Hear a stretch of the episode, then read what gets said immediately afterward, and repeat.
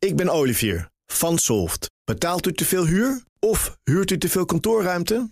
Solft heeft de oplossing. Van werkplekadvies, huuronderhandeling tot de verbouwing. Wij ontzorgen u. Kijk voor al onze diensten op soft.nl.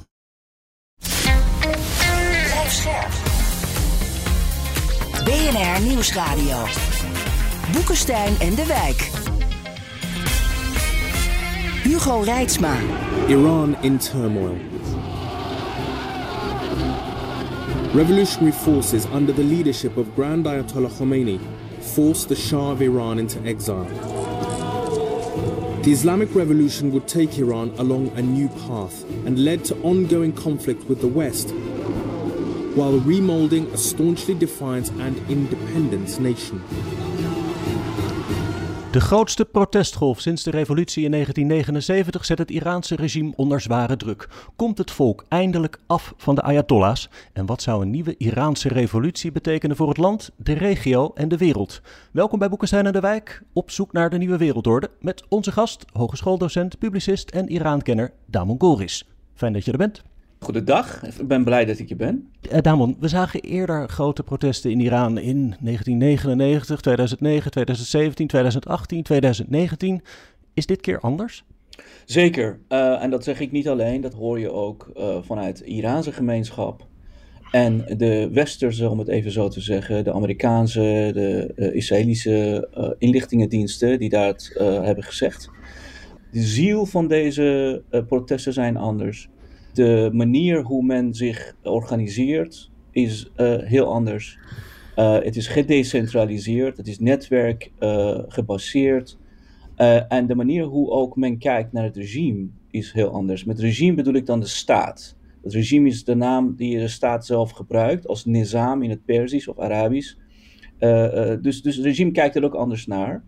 Um, maar toch, het kost wat tijd. En hm. we zitten nu in ongeveer de vijfde maand. Mhm. van de protesten sinds 16 september. En uh, het is aan het ontwikkelen aan beide kanten. Nou, Met name, wat is nou het grote verschil? Wat is nou echt het grote verschil? Je zegt het is anders georganiseerd, eens, het is een netwerkstructuur. Sociale media spelen een uh, belangrijke rol. Maar wat is nou inhoudelijk echt het grote verschil met andere protesten? Nou, um, het, het grootste verschil is dat uh, sinds 2017, toen die protesten zijn opgekomen, toen is een hele grote slag, een verschil gekomen van de manier hoe uh, de bevolking keek naar de staat. Mhm. En uh, toen is men eigenlijk gaan breken met enige vorm van hervormingen van binnenuit. later in 2019, toen in ja, drie dagen, vier dagen zijn volgens Reuters 1500 mensen gedood op straat, vooral jongeren, 90% onder de 30.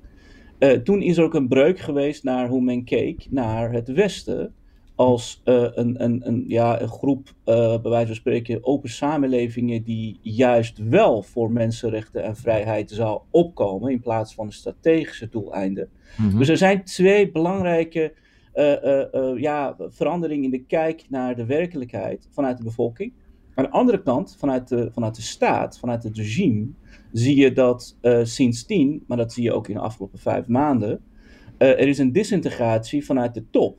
Dus heel veel mensen, heel veel oude functionarissen, um, familieleden van de functionarissen, die voegen zich toe aan de protesten tegen het regime. Denk oh ja. aan de uh, zus van de Khamenei, dat is de opperste leider. Uh, gisteren is nog een rechterhand van de uh, adviseur van de Nationale Veiligheidsraad van Iran, uh, die ook een onderminister van Defensie was, die is opgehangen omdat hij zogenaamd spion zou zijn van Groot-Brittannië. en ik kan heel veel andere voorbeelden geven. Je ziet heel veel celebrities die hun bestaansrecht wordt in een staat zoals die van Iran, omdat het alles natuurlijk totalitair is georganiseerd wordt gegarandeerd alleen door mee te doen aan de propaganda uh, zeg maar, ja. van de staat, in de films, in de muziek en zo. Nou, ziet dat die dan uh, voetballisten. de voetballers in Qatar die niet meezongen met het volkslied. Ja. ja. Maar ja, maar jongens, maar is, nou, is, nou het grootste, is nou het grootste verschil niet dat de vlam echt in de pan sloeg nadat die mevrouw Amini eigenlijk is doodgeslagen? Volgens mij was ze doodgeslagen in een politie bureau, omdat ze uh, de hoofddoek niet goed, uh, goed droeg. Ja. En dat vervolgens uh, bij de, de vrouwen met name de, de, de, de vlam in de pan sloeg. En dat was volgens mij was dat op 16 september. En het, het zijn de vrouwen die volgens mij toch in belangrijke mate de op, opstand komen. En dat betekent dat het helemaal over alle etnische en religieuze groepen heen gaat. En maakt dat het niet heel erg bijzonder dit keer, Daman? Dat is juist heel bijzonder, want een, uh, het regime, het islamitische regime, is een totalitaire staat in mijn beleving. Wat hij doet, en zijn twee strategieën tegelijkertijd in de afgelopen 40 jaar, langer dan 40 jaar. Eén, uh, de, de bevolking, de, de, de, de burgers te verdelen in kleine entiteiten die continu met elkaar in gevecht zijn. Man, vrouw met een hoofddoek, uh, ja. etniciteiten, centrale, centraal gezag uh, en, en eromheen. Denk aan Koerdistan, denk aan Arabische, Arabisch-Persische delen. Uh, denk aan binnenland, buitenland, denk aan wij, zij en zo de hele tijd. En vervolgens repressie met angst zaaien uh, op, op deze kleine entiteiten uitoefenen, zodat ze het continu met elkaar in gevecht zijn. Nou, Hmm. Wat je net ook zelf zei, deze keer juist doordat de vrouwen daarbij zitten en het feit dat ook mannen vrouwen steunen. Het is de eerste keer dat er een beweging komt dat weinig met islam te maken heeft, ook in Ja. Iran in de afgelopen 150 jaar. Daardoor zie je dat er een soort saamhorigheid is tegen het regime. Dus het lukt het regime niet meer om de etniciteiten tegen elkaar uit te spelen, dus verdelen en heers. En we zien dus nu dat niet alleen dus de Persens, zeg maar de. Iraniërs zelf, maar ook de etnische Koerden, de Baluchis en de Azeris, die komen allemaal in opstand. Hm. En, en daarnaast heb je dus ook de oliearbeiders, om ze zo maar te noemen, en de universiteiten. En Er de zijn ook stakingen, hè? Ja. Ja. Dus dat is, dat, is echt nieuw. Dat is nieuw wat er nu gebeurt. Hoe groot zijn nou eigenlijk deze opstanden? Hè? Eh, Kijk, als je het nieuws leest, dan denk je dat het hele land in brand staat. Dat, dat is denk ik niet zo. Eh, Er zijn volgens mij ruim 500 doden gevallen. Dat is natuurlijk gigantisch, maar dat hebben we eerder gezien. 18.000 mensen zijn de gevangenis in, eh, ingeschopt. Maar hoe groot, daarom denk je nu echt dat, dat deze opstand is? Betekent dit dat er echt in alle grote steden, maar ook op het platteland, eh, van die opstanden eh, eh, gaande zijn? Hoe, hoe, hoe, moeten we dat, hoe moeten we dat interpreteren? Ehm, ongeveer een paar weken geleden heeft BBC daar onderzoek naar gedaan met een, eh, met een plattegrond ehm, en met, met stipjes erop. En om dat helemaal in kaart te brengen als een soort eh, ja, inktvlek die dan groot wordt. En dan zie je dat eigenlijk over het land. Hè. Het land is 50, 50 keer Nederland. Dus Ja. het is een groot land. Het is gedecentraliseerd, deze opstanden. Het is eh, zelfregulerend. Dat wil, dat wil zeggen dat men met de slogan vrouw, leven, vrijheid eigenlijk zich organiseert wanneer hij denkt dat het naar buiten kan komen. Eh, het is wijdverspreid en eh, eh, als je zegt aantallen, ik vind het lastig om daar aantallen aan te geven, maar het is zo groot dat er steden naar voren komen die dan in, de, in het nieuws naar voren komen met video's die eigenlijk heel veel mensen hebben niet van gehoord dat zo'n stad bestaat, zo'n kleine stad of een dorp of wat dan ook. Dus het is ontzettend breed en diep. Maar het is niet georganiseerd op een hiërarchische manier, maar het is georganiseerd op een. Eendimensionale wijze. En dat is precies het sterkste punt, maar ook een zwak punt, omdat het Ja. dan niet één leider heeft, wat heel veel mensen zouden willen zien. Ik wil straks even verder kijken naar de, de kansen van het volk eh, tegen dit regime en de gevolgen als ze zouden slagen in een contra-revolutie, om het maar zo te noemen. Maar eerst eventjes door naar de internationale context. In eh, Nederland en Europa wordt geroepen om hardere sancties tegen Teheran. Kan dat nog harder? Het is al zo'n zwaar gesanctioneerd land.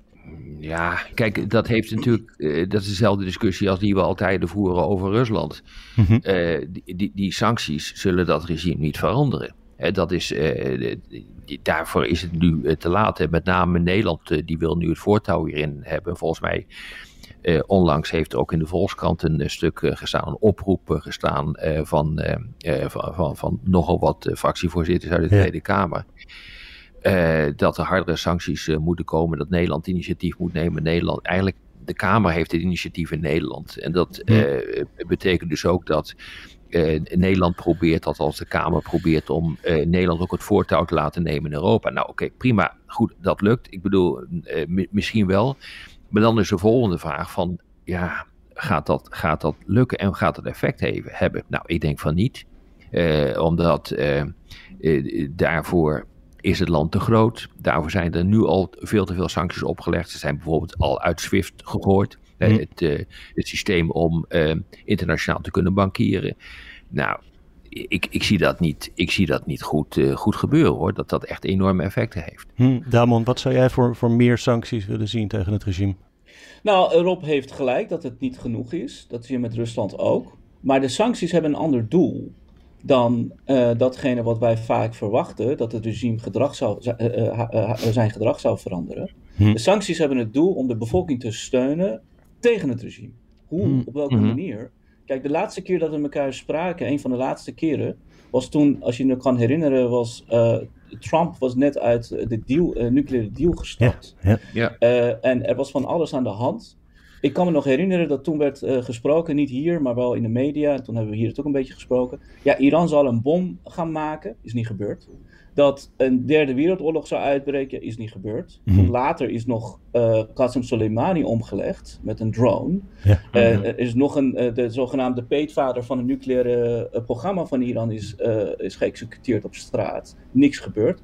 Wat er gebeurd is, is dat, en dat is dus wat heel vaak mensen niet begrijpen, is dat de bevolking staat er alleen voor. Inmiddels weet ook de bevolking dat ze dus niet kunnen steunen op het Westen. Omdat mensenrechten, vrijheid belangrijk, maar uiteindelijk gaat het om strategische overwegingen. Dat is ook de reden waarom de Europese Commissie in de laatste statement heeft duidelijk gezegd dat ze nog steeds hopen dat Iran terugkomt naar het nucleaire programma, naar een nucleaire mm-hmm. deal.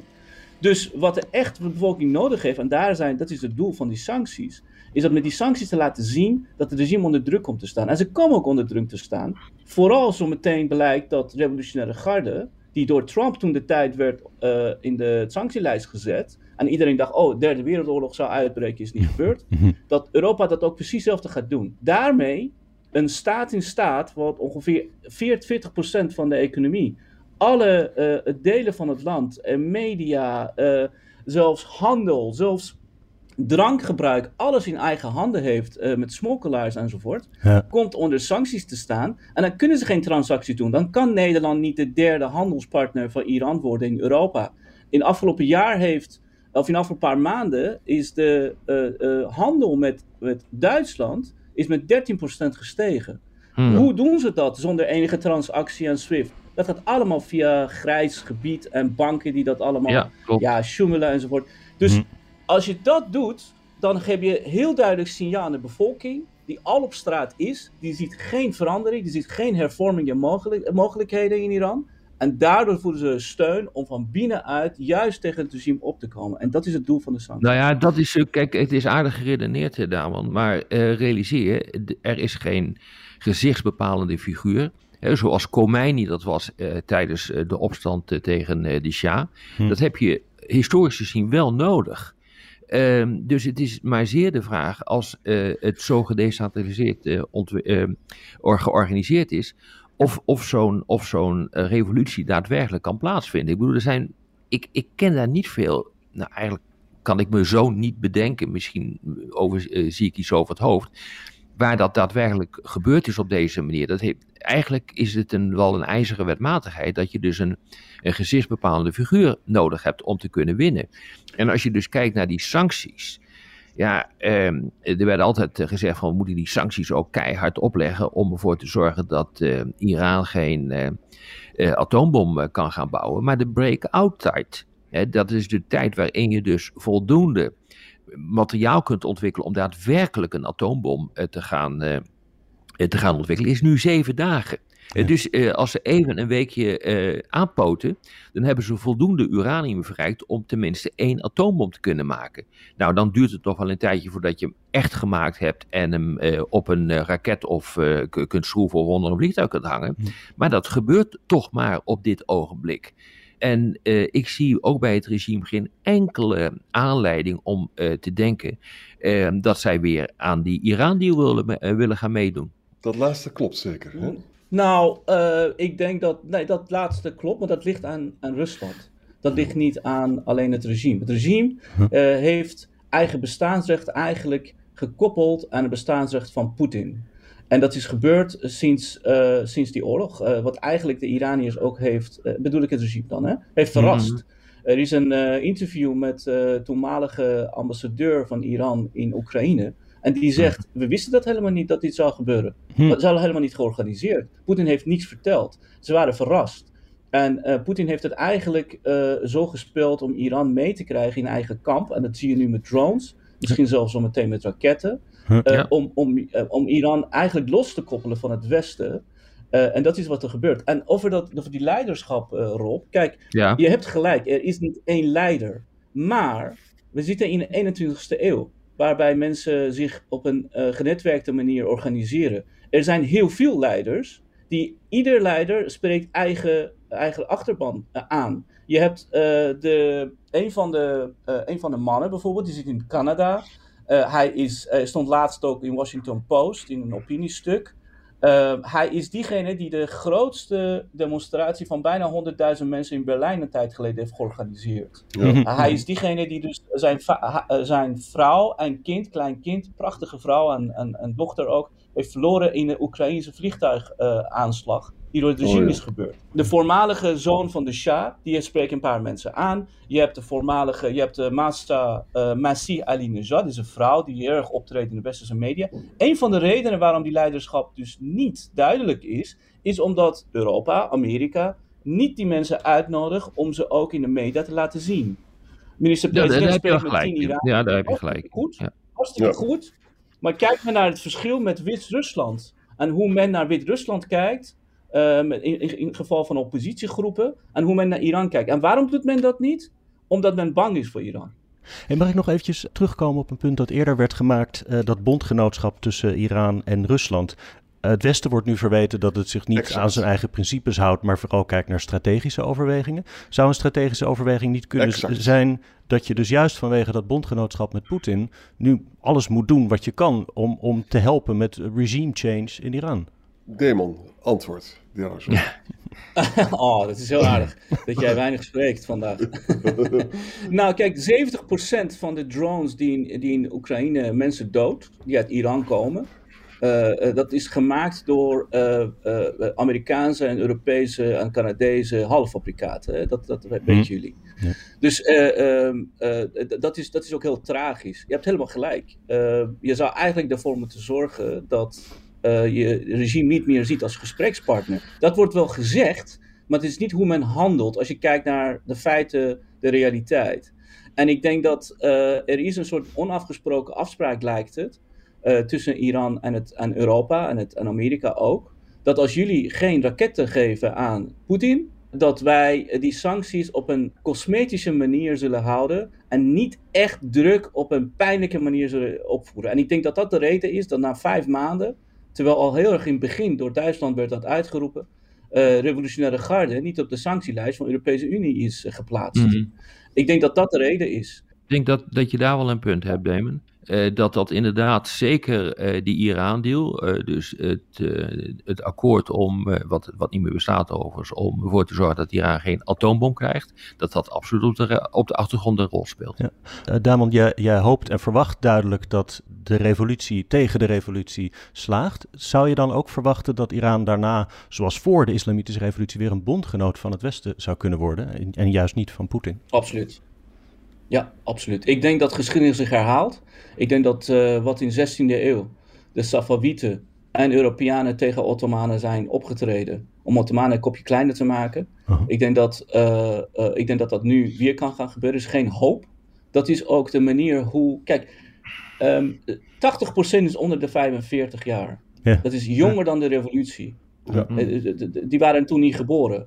En die wil heel ander leven je, je, hoeft daar niet per se uh, statistieken voor te hebben om dat te weten. Ik denk dat we daarmee eens zijn. Die willen een heel ander soort leven. Het feit dat een land waar de meerderheid uh, op papier in ieder geval moslim is, tegen een hoofddoek optreedt. En vergis je niet, hè, mhm. er zijn heel weinig moslimorganisaties geweest in Europa die hebben opgetreden om Iran te steunen. Ik zie geen demonstraties, ik zie geen verklaringen. Mhm. Heel weinig, heel weinig. Waarom? Omdat men snapt dat als Iran valt, dat een hele grote macht, als het ware, tegen het Westen en het westerse samenleving en westerse manier van denken zal vallen. Omdat hm. Iraniërs uh, heel ander soort leven willen. En ik denk dat dat wel inderdaad uh, de toekomst is. Het gaat gebeuren, het is alleen de vraag hoe lang gaat het duren? Ja. Rob Arjan, wat zou de strategische betekenis zijn als zo'n belangrijk land weer in het westerse kamp komt? Nou, heel groot. Ontzettend groot. Natuurlijk door de Russische connectie, dat hoef ik niet meer uit te leggen. Want het is natuurlijk rampzalig dat hij Poetin steunt. Maar ook in het Midden-Oosten zelf. Hè, moet je je voorstellen, als dus de spanning wegvalt tussen Iran en Israël. Dan heb je dus niet meer nu de, de Soenitisch-Israëlische uh, alliantie tegenover de Shiiten. Dat zou dus helemaal wegvallen. Dat betekent een ongekende ontspanning in het Midden-Oosten. Uh, dat betekent ook dat Iran minder uh, loopt te stoken in het islamitische gedeelte van Rusland, in de achtertuin van Rusland. Nee, het, is, het zou. Kaplan schreef tien jaar geleden al als, als Iran uh, open gaat, gaat liberaliseren, dan, dan, dan wordt het leuk in het Midden-Oosten. ja, ja, je moet, Arjan, maar je moet ook echt goed kijken naar uh, de relatie die er dan is tussen Turkije, Saoedi-Arabië en Iran. Die dan ja. gaat ontstaan, die is bepalend. Hm. Hè? Dat zijn drie landen. Uh, die vinden zichzelf een regionale hegemoon en willen dus eigenlijk de bepalende factor zijn in het Midden-Oosten. Hm. Turkije die heeft zich eigenlijk op dit ogenblik op een zijspoor gerangeerd. Uh, onder, onder Erdogan. Uh, Saoedi-Arabië, ja, die verkeert in de problemen ook in, ten aanzien van, van Amerika en probeert te houden wat hij heeft en dus zoekt steeds meer de kant van Rusland en China. En de grote vraag is natuurlijk, ja, stel je voor dat Iran westers wordt, ja, dan krijg je natuurlijk gewoon wel weer een, een oplaaiing van die strijd tussen die, uh, tussen die lokale grootmachten. Dus het hmm. is helemaal niet gezegd dat het dan leuk wordt in het Dat het dan gewoon stab, stabiel, stabiel wordt. Dat denken we iedere keer wel. Dat als een land westers wordt, dat het, dat het dan de hele regio stabiel wordt en dat het koekenij wordt. Maar dat is helemaal niet zo. Dat moet nou, echt, je zou... hangt er echt helemaal vanaf ja. wat voor een regime daar komt te zitten. Nou, je zou dus, kijk, je zou dit kunnen zeggen van de ideologische tegenstelling die nou wordt misbruikt, hè, Shia-Sunni, die wordt enorm misbruikt, hè, die valt dan weg. Maar Rob is natuurlijk gelijk, er zijn natuurlijk andere overwegingen om dus blokvorming te doen. Bijvoorbeeld dus uh, machtspolitieken, die blijft altijd bestaan. Ja. En natuurlijk de invloed van China. China is natuurlijk heel dik met Saoedi-Arabië nu. Ja, Saoedi-Arabië is dikker met China dan met Amerika. Dus het is zeer, de vraag wat, wat Iran dan gaat doen. Maar ja on balance wordt het natuurlijk wel beter dan die bezopen situatie die we nu hebben. Hm. Ja, ik denk dat, uh, uh, moet daar nog even zeggen, van, uh, volgens mij is het toch altijd zo geweest dat het berendeel van de bevolking gewoon pro-westers is. En niet... ja, zeker. Ja, absoluut. kijk, wat ik al zei, hè, dit, dit is belangrijk. De kern van deze laatste opstand, en het is eigenlijk kun je dat terugtrekken naar, naar vijf jaar geleden, of je gaat terug naar Groene Beweging, of je gaat zelfs naar de constitutionele monarchie en Constitutionele Revolutie in 1906. Um, uh, maar het grote verschil nu en afgelopen tijden, afgelopen 150 jaar, is dat de beweging nu, en die tot revolutie zal leiden, heeft, is totaal losgekoppeld van islam. En dat is heel belangrijk. Hm, ja. Uh, is losgekoppeld van islam. En daarom zie je ook dat wel of niet meedoen van de ayatollahs, die misschien kritisch zijn op het regime, of Ayatollah Sistani in Irak of wat dan ook, hm. weinig rol speelt. Sterker nog, die tullenband, heb je dat waarschijnlijk gezien, het werpen van de tullenband op straat met video's en zo. Ja. Dat is een, maar een tipje van, het, uh, van een ijsberg als het daar ware, waarbij wordt laten zien dat het is niet tegen islam, maar het is niet islamitisch. Op de radio moeten we afronden alweer, maar op de podcast gaan we langer door met luisteraarsvragen. Luistert u op de radio, dan verwijs ik naar boekensteinendewijk.nl of uw favoriete podcast-app. Um, we hebben een vraag van uh, Heer Oost. Wat is plus-minus de maximale houdbaarheid van een regime zoals in Iran? Het volk lijkt er genoeg van te hebben. Of is Iran toch een land als China, waar het regime er een langere adem op na weet te houden? Valt nou, ik vind dat die adem al heel erg lang is hoor. Van, uh, van dit regime. Hè. Mm -hmm. ze, ze, doen dit al vanaf 79, de val van de Shah. En eh, om de tien jaar heb je mega-opstanden, dat overleven ze allemaal. Je ziet op dit ogenblik niet dat het regime uit elkaar aan het vallen is. Ik bedoel, er zal ongetwijfeld uh, wat gedoe zijn achter de schermen, maar we zien er tamelijk weinig uh, van.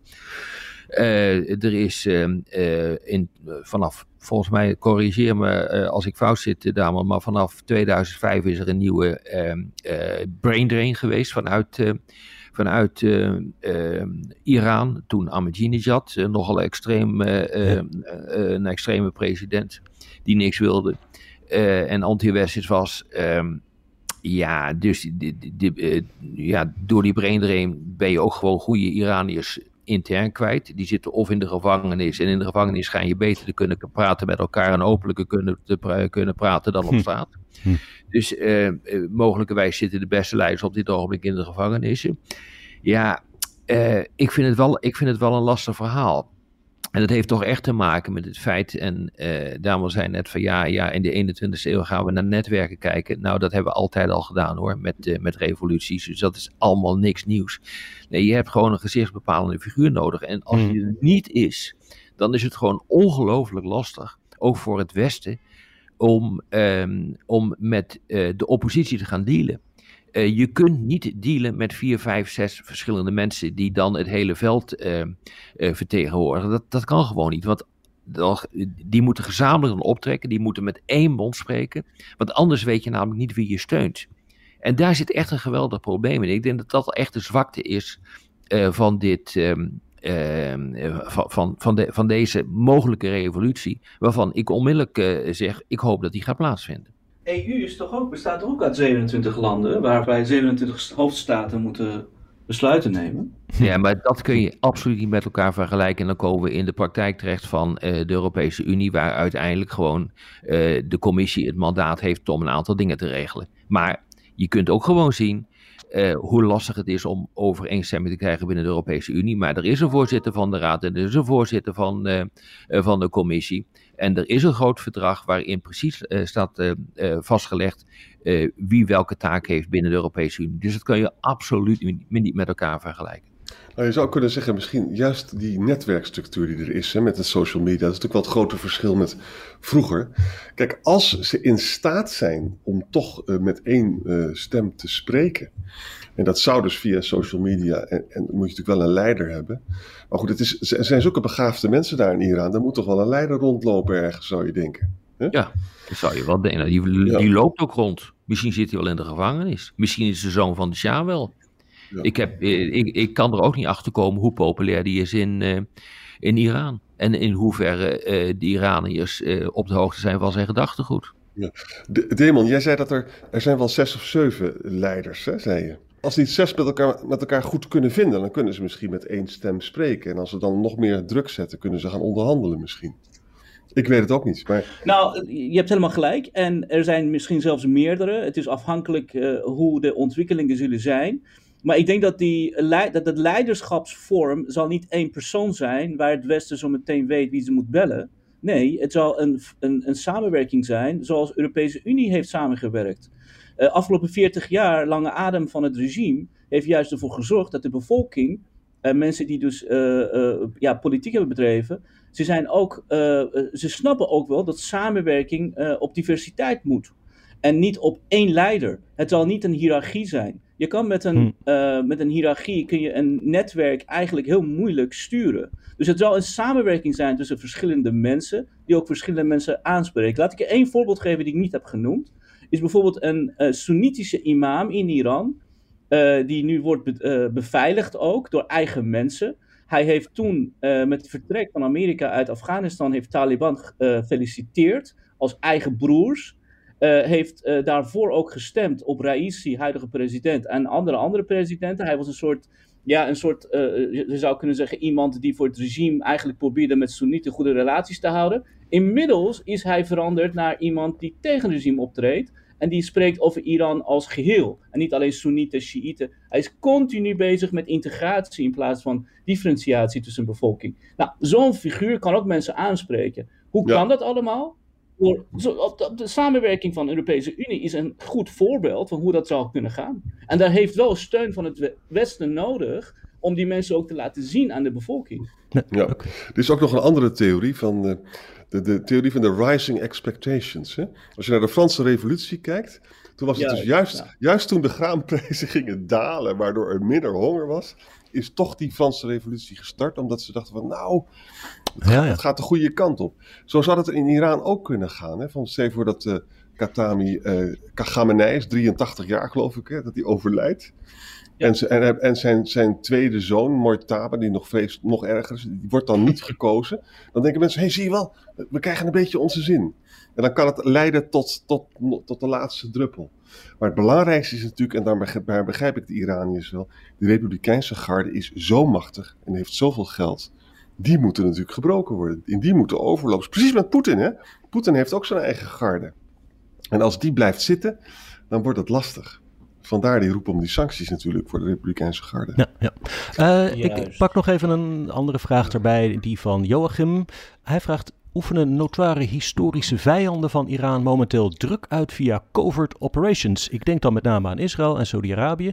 Is er een zekere mate van beïnvloeding mogelijk vanuit deze landen? Of kan anderzijds China hier een invloed uitoefenen via kennisdeling over sociale monitoring via gezichtsherkenning, hardware en software? Hele hoop dingen. Wauw. Nou, dat gebeurt ook. Ik bedoel, eh, er zijn moorden gepleegd in, uh, uh, in Iran.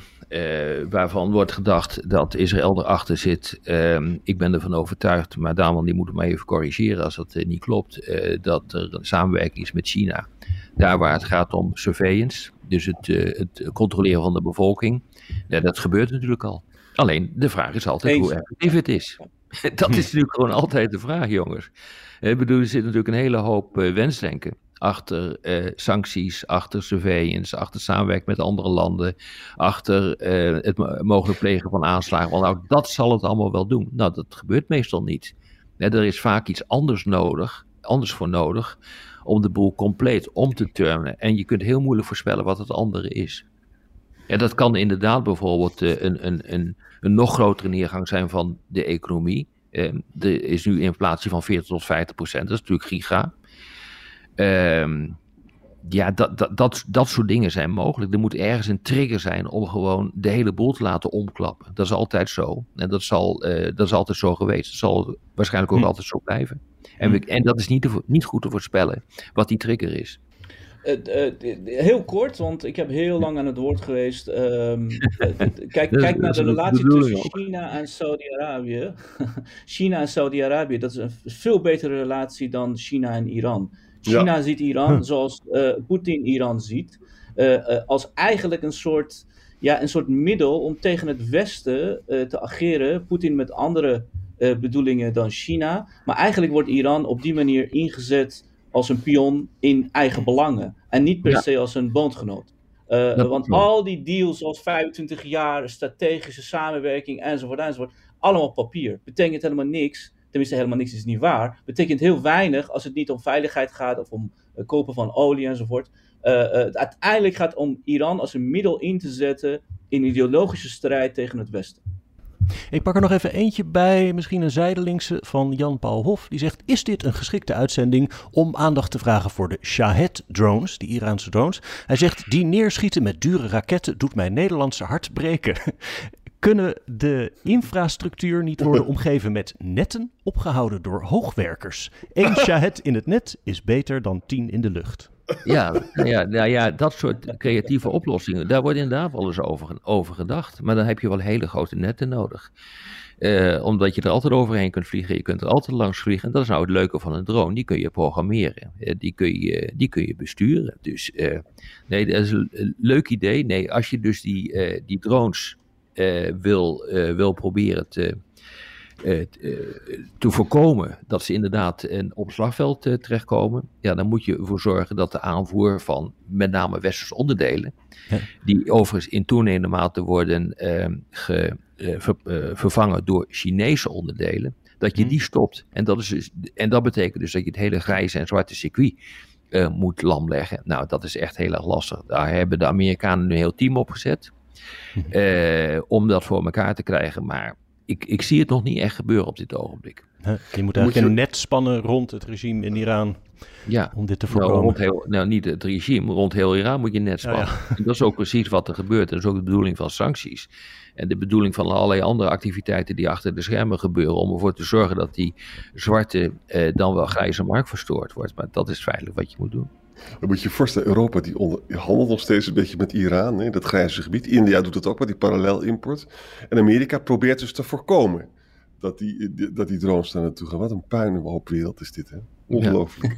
ik zag trouwens op, op internet zag ik ook een apparaat. Daar kon je dus de drones mee jammen. Dan, kon je dus, dan, dan, dan zouden ze van koers veranderen. Het ellende is alleen dat ze dan wel op het, op het uh, burgemeesterhuis terechtkomen. Weet je? Nee, maar dat is ook al heel oud, uh, Jan. Dat is gewoon, uh, dat is een oude techniek. zolang, zolang er al elektronica zit in drones, kun je dat ook jammen en kun je van koers ver, veranderen. En dus wordt er weer geprobeerd om die elektronica zo hard te maken dat het niet kan. nou...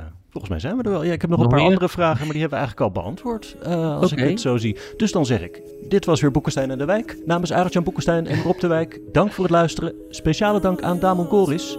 En wij spreken elkaar maandag weer. Zo dank, Tim. Dank, Tim. Dankjewel, Rob. Dankjewel.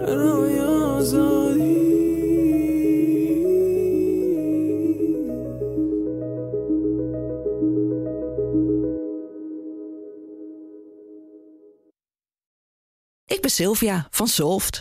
Betaalt u te veel huur of huurt u te veel kantoorruimte? Solft heeft de oplossing. Van werkplekadvies, huuronderhandeling tot een verbouwing, wij ontzorgen u. Kijk voor al onze diensten op soft.nl.